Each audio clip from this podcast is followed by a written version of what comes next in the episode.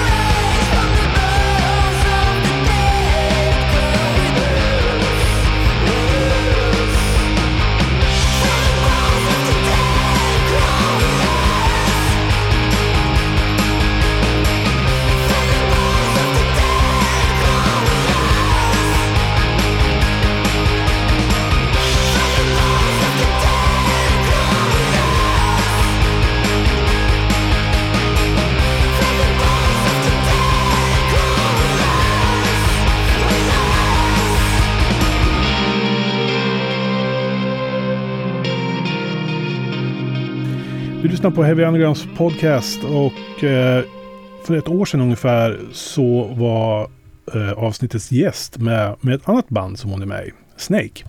Eh, men den här gången så ska Tester Lacour få prata om Memoria, sitt soloprojekt. Välkommen till podden. Tack så mycket.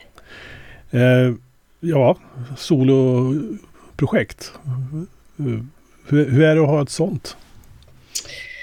Ja du, bra fråga. Eh, men jag har ju alltid spelat i band större delen av mitt liv så det är ganska stor skillnad skulle jag vilja säga. Eh, det är ju mycket mer som soloartist att styra.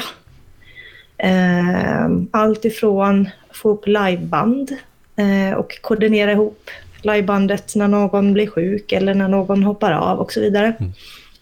Eh, och där är man ju ganska ensam liksom som solartist eh, jämförelse med om man är ett band, liksom, där man styr mycket allting tillsammans. Så.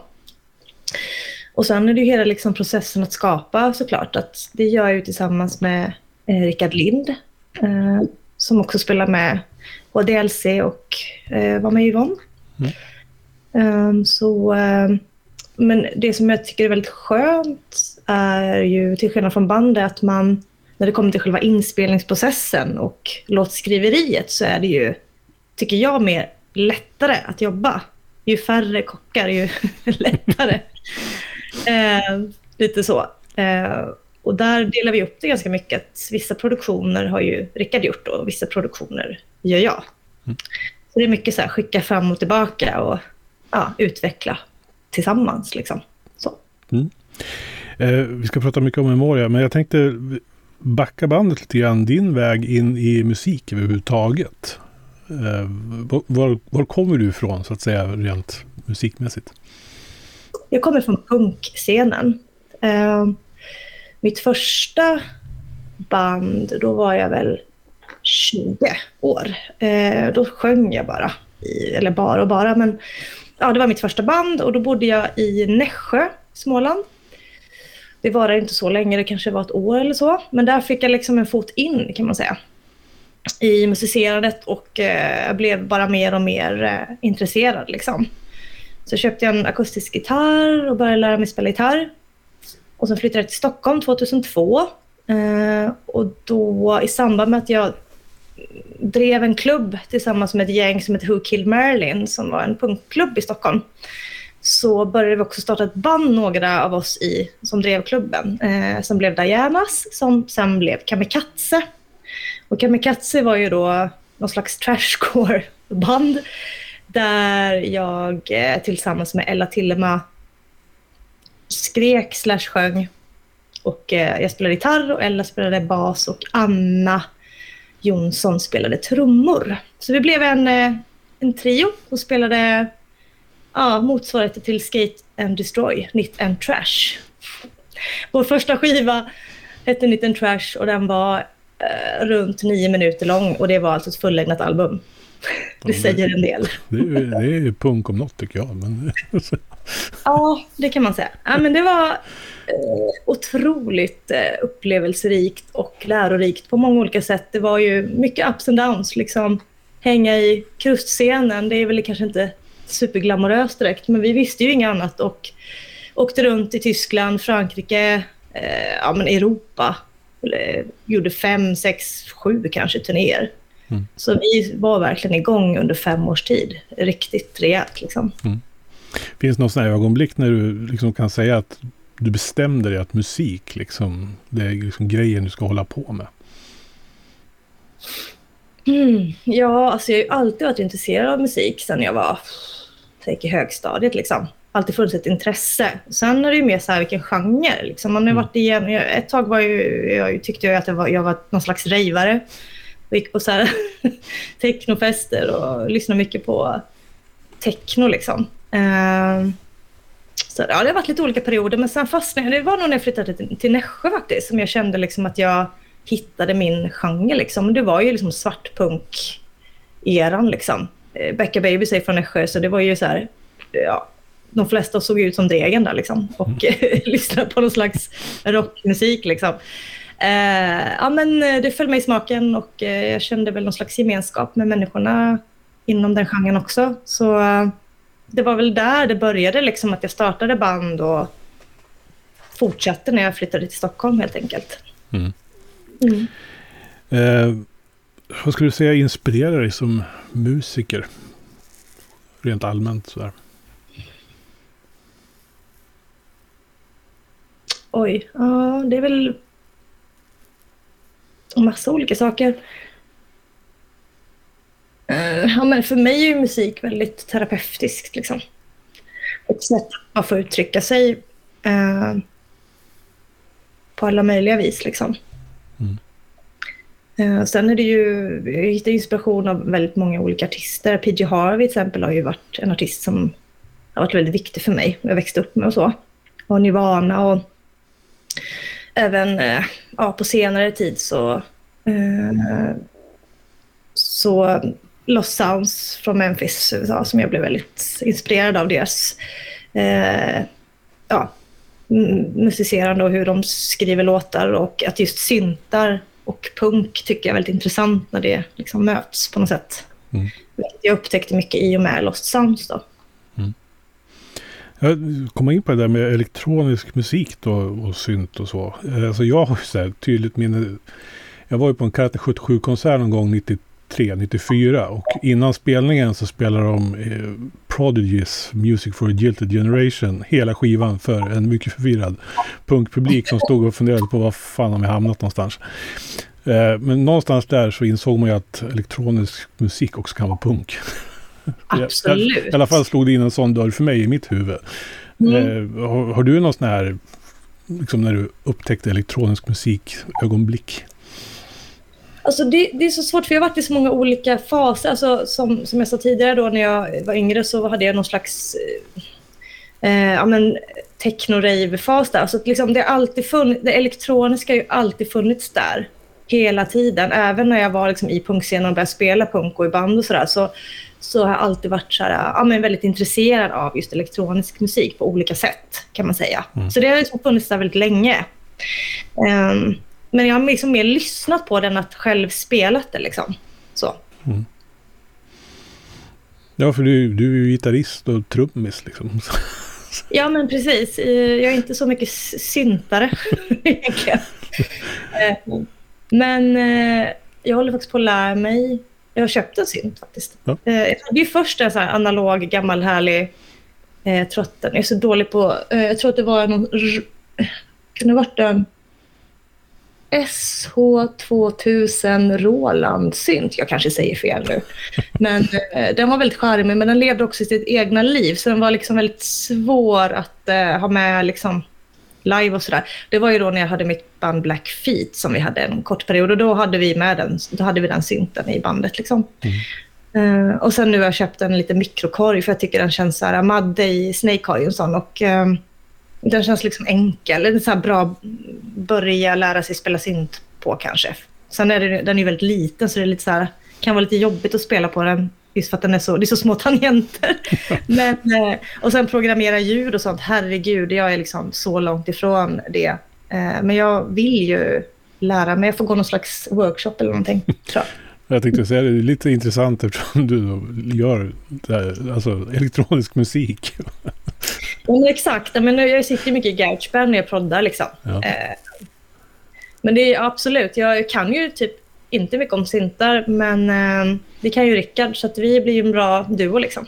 Ja, det kanske är en bra ingång om man inte kan, vet vad man kan göra liksom, egentligen. Och bara säga att jag vill att det ska låta så här, fixa det. Ja, men, ja, men precis, för jag kan ju göra produktioner liksom, där jag lägger också syntar och så, men Mm. sen så gör, lyfter han ju dem till det bättre.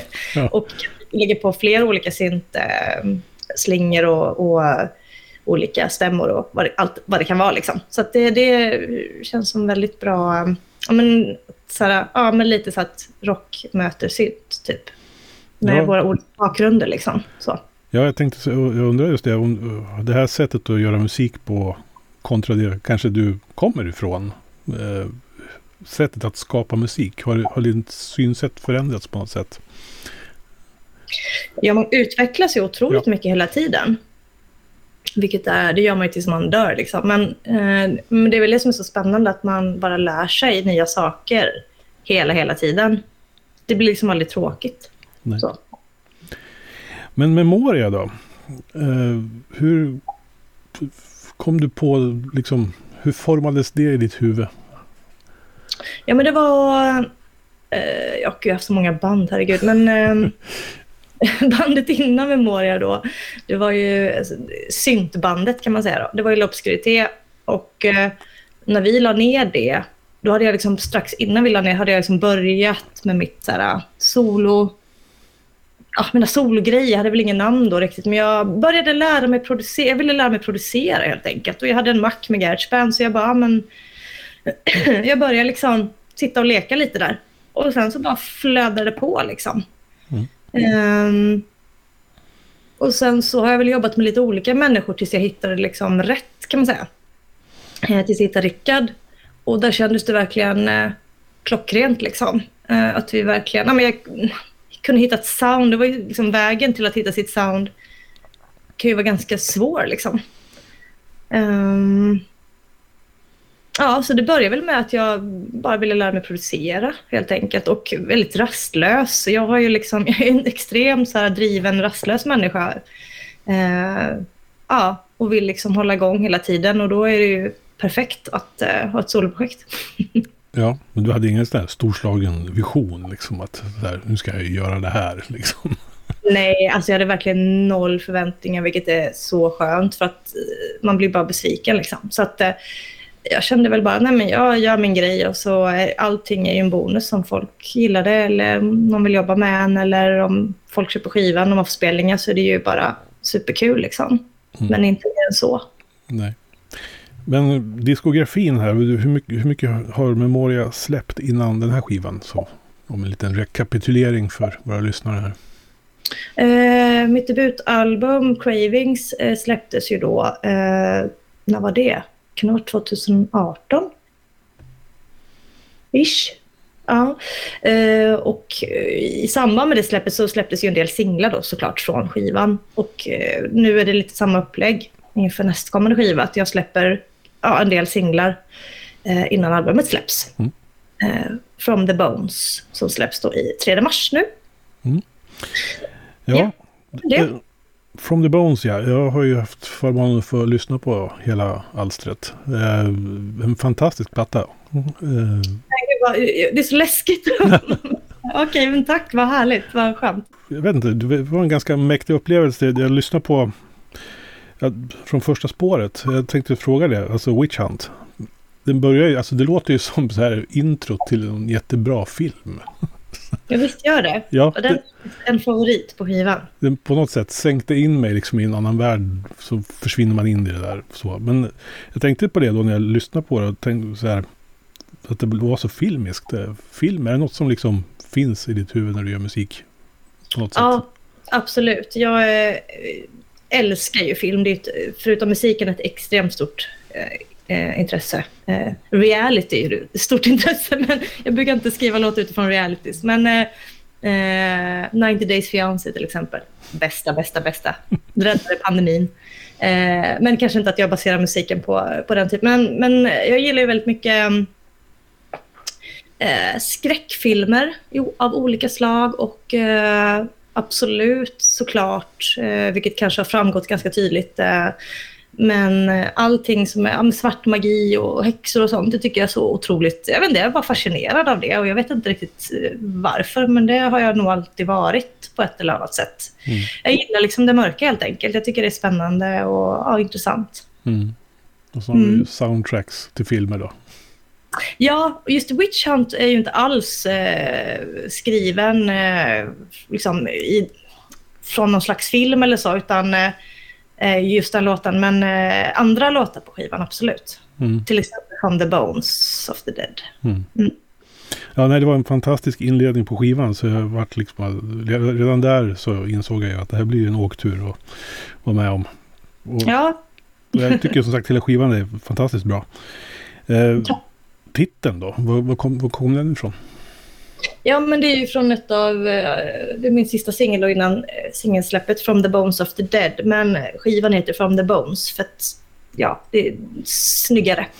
Um, och det är ju en låt som är skriven... Uh, ja, den baseras på Hans och Greta helt enkelt, filmen. Den, uh, en film som jag tror den släpptes 2020.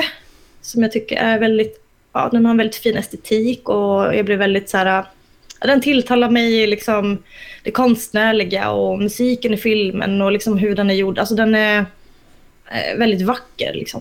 Mm. det var väl, eh, och sen tyckte jag var ja, väldigt, ja, klingar väldigt bra from the bones liksom. Det passade skivan i sin helhet och den liksom knöt ihop den bra på något sätt. Mm.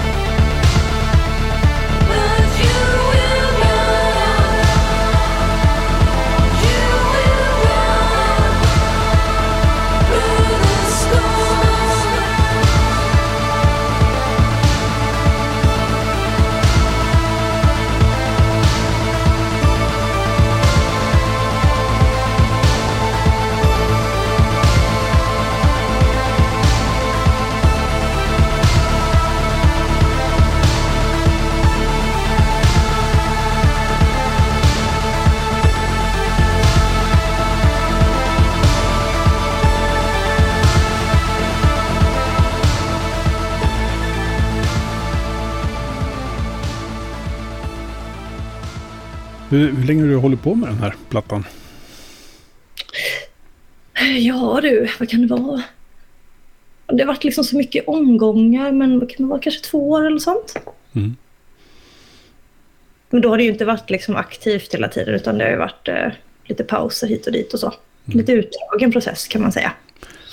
Blir, blir, blir det lätt så när man kör en sologrej liksom sådär? Att man liksom inte har någon andra som piskar på en riktigt. Nej, men och det är så skönt för man kan verkligen ja, ha sin egna deadline. Liksom. Eh, det viktigaste är att man är nöjd med slutproduktionen och ja, att man, ja, det känns färdigt. Liksom. Mm. Sen har det varit den här, som alla snackar om, forever, pandemin. Liksom, och det, det är ju också knepigt, så här, när ska man släppa? Man vill inte släppa när hela Sverige släpper. Liksom. Det är ju, ja, det är liksom svårt att nå ut på något sätt. Eh, I och med, alltså det har ju försvårat det lite grann, eller ganska mycket faktiskt. Eh, både gällande livespelningar men också gällande släppa musik. Liksom. Mm. Att man blir liksom en i mängden, eh, ännu mer. Liksom, så. Ja, det är ju en viss köbildning i releaseschemat om man säger så. Ja, det, är ju, det, är, det kan man verkligen säga. Vårt tyska skivbolag som var med Snake, de gick in och samlade ihop, eh, skramlade ihop till en vinylpress faktiskt. För de blev så less på köväntan. Ja, ja. så, så kan man också göra om man vill och ha pengar. Ja. Men du sa att eh, jag är inspirerad av Hans och Greta, men vad skriver du texter om annars då till Memoria? Vad, vad han, finns det någon sån här... Har du någon agenda eller vad man ska kalla det för, inte bra ord egentligen, men för vilka sorts texter det ska vara till det här? Nej, men det är väl... Nej, jag har väl ingen agenda direkt, men saker som jag... Men det är ju väldigt mycket terapeutiskt, liksom allt ifrån eh, mående till eh, liksom eh, saker som händer i världen. Um, det kan allt vara liksom, allt från politiska eh, grejer till liksom, terapeutiska grejer som handlar mycket om en själv eller ens vänner eller sådär. Det är liksom allt möjligt. Det är svårt att... Till filmer. Ja. Så det är väl en, en härlig häxblandning kan man säga. Ja. Eh. Men eh, jag tänker, det är ju snyggt omslag till den här plattan också. Ja, visst är det. Ja. Det är mycket jättegrym fotograf som har fotat. Ja, hur, alltså, uppenbarligen är du intresserad av det visuella. Det är ju, liksom, framstår ju ganska klart. Men hur, hur tänker du kring sådana saker och memoria?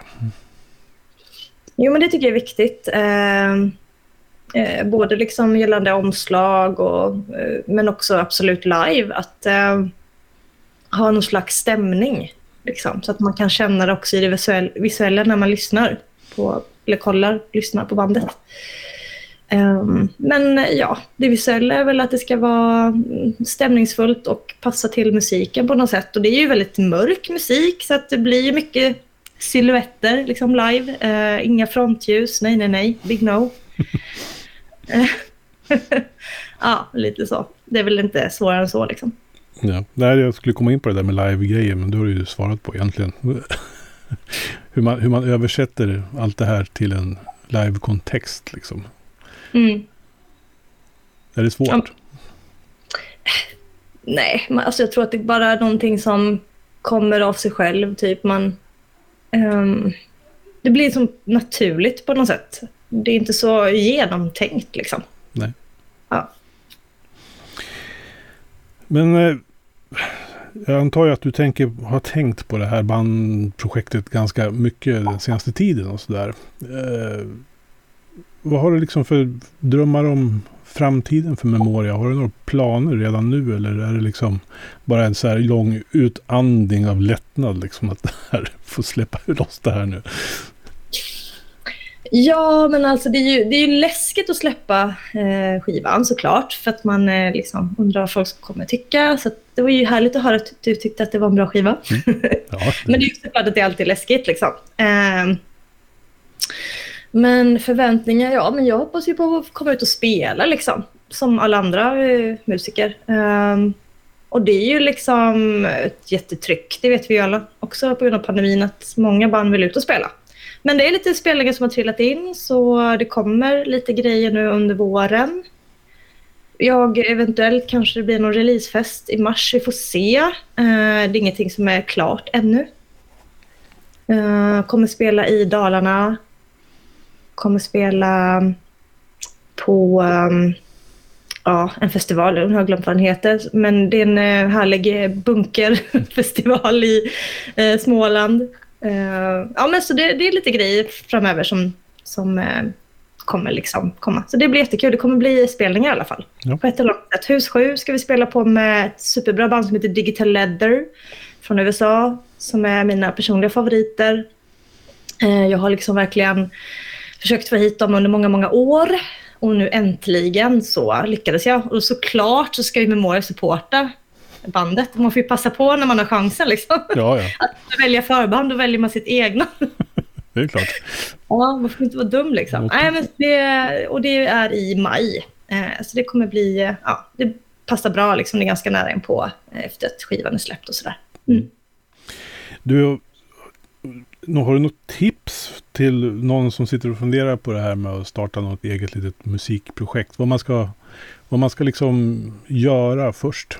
Om man känner att man har någonting i huvudet som gror sådär. Ja, men jag tror att det viktigaste är att man eh, gör det för sig själv och inte för andra. Um, för det kan vara så lätt att man blir väldigt osäker i sig själv eller att man kanske lyssnar för mycket på andra. Att man, liksom, att man bara gör det som känns bäst för en själv tror jag i grunden verkligen. Och sen är det ju alltid bra för att här, ut, utveckla sitt musicerande och att liksom lära sig producera eller musicera på olika sätt så är det ju mm, alltid bra liksom, utifrån hur, hur man själv liksom känner att uh, ja, men kanske bli inspirerad av olika personer. Man kan ju liksom ta hjälp av workshops, vad som helst liksom, för att utvecklas. Men jag tror att det viktigaste är bara att man inte har för stora krav på sig själv. För då blir det bara, då blir det inte kul liksom. Ja. Kanske var lite, ja, jag vet inte, men det är väl typ så jag tänker.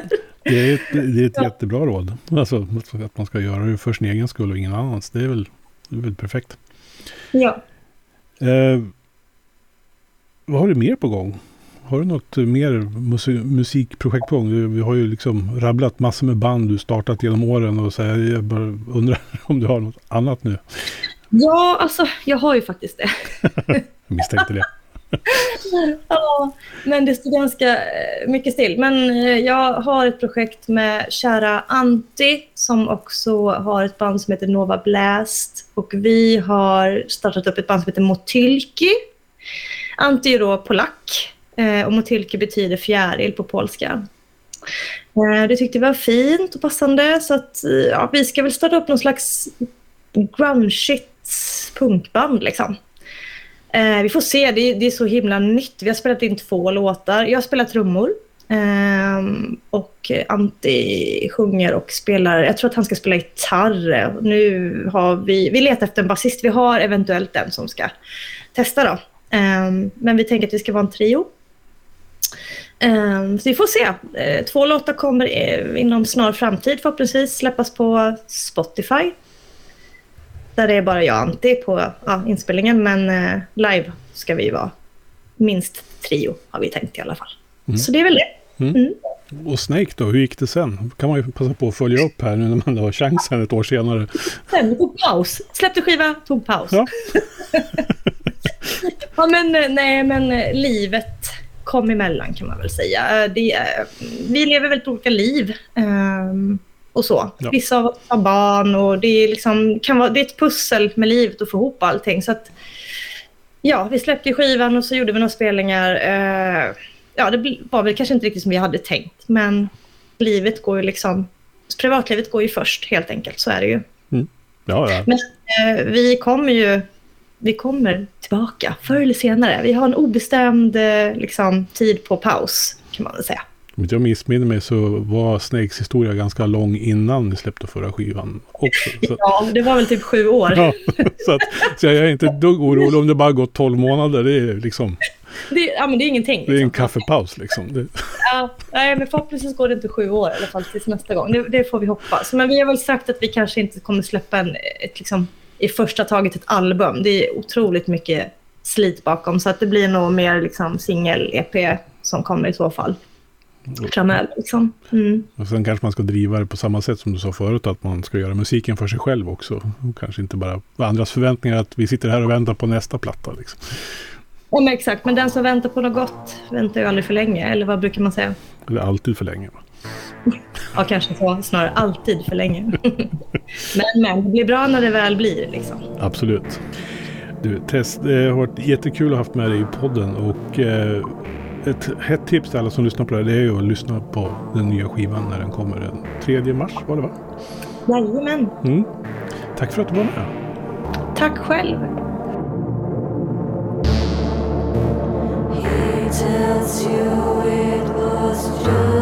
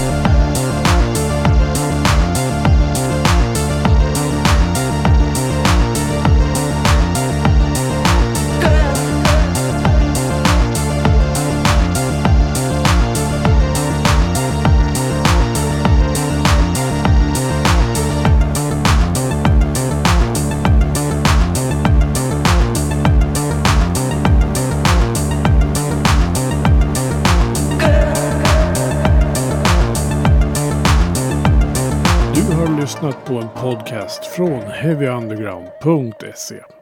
Jag som säger det heter Magnus Tannegren och är den som producerar och intervjuar i den här podcasten.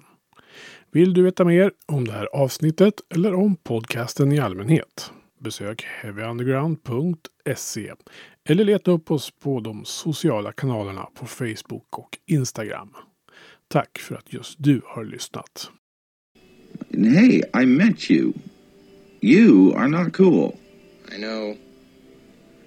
Even when I thought I was, I knew I wasn't. Because we are uncool. I'm glad you were home. I'm always home. I'm uncool. Me too. You're doing great. You know, the only true currency in this bankrupt world is what you share with someone else when you're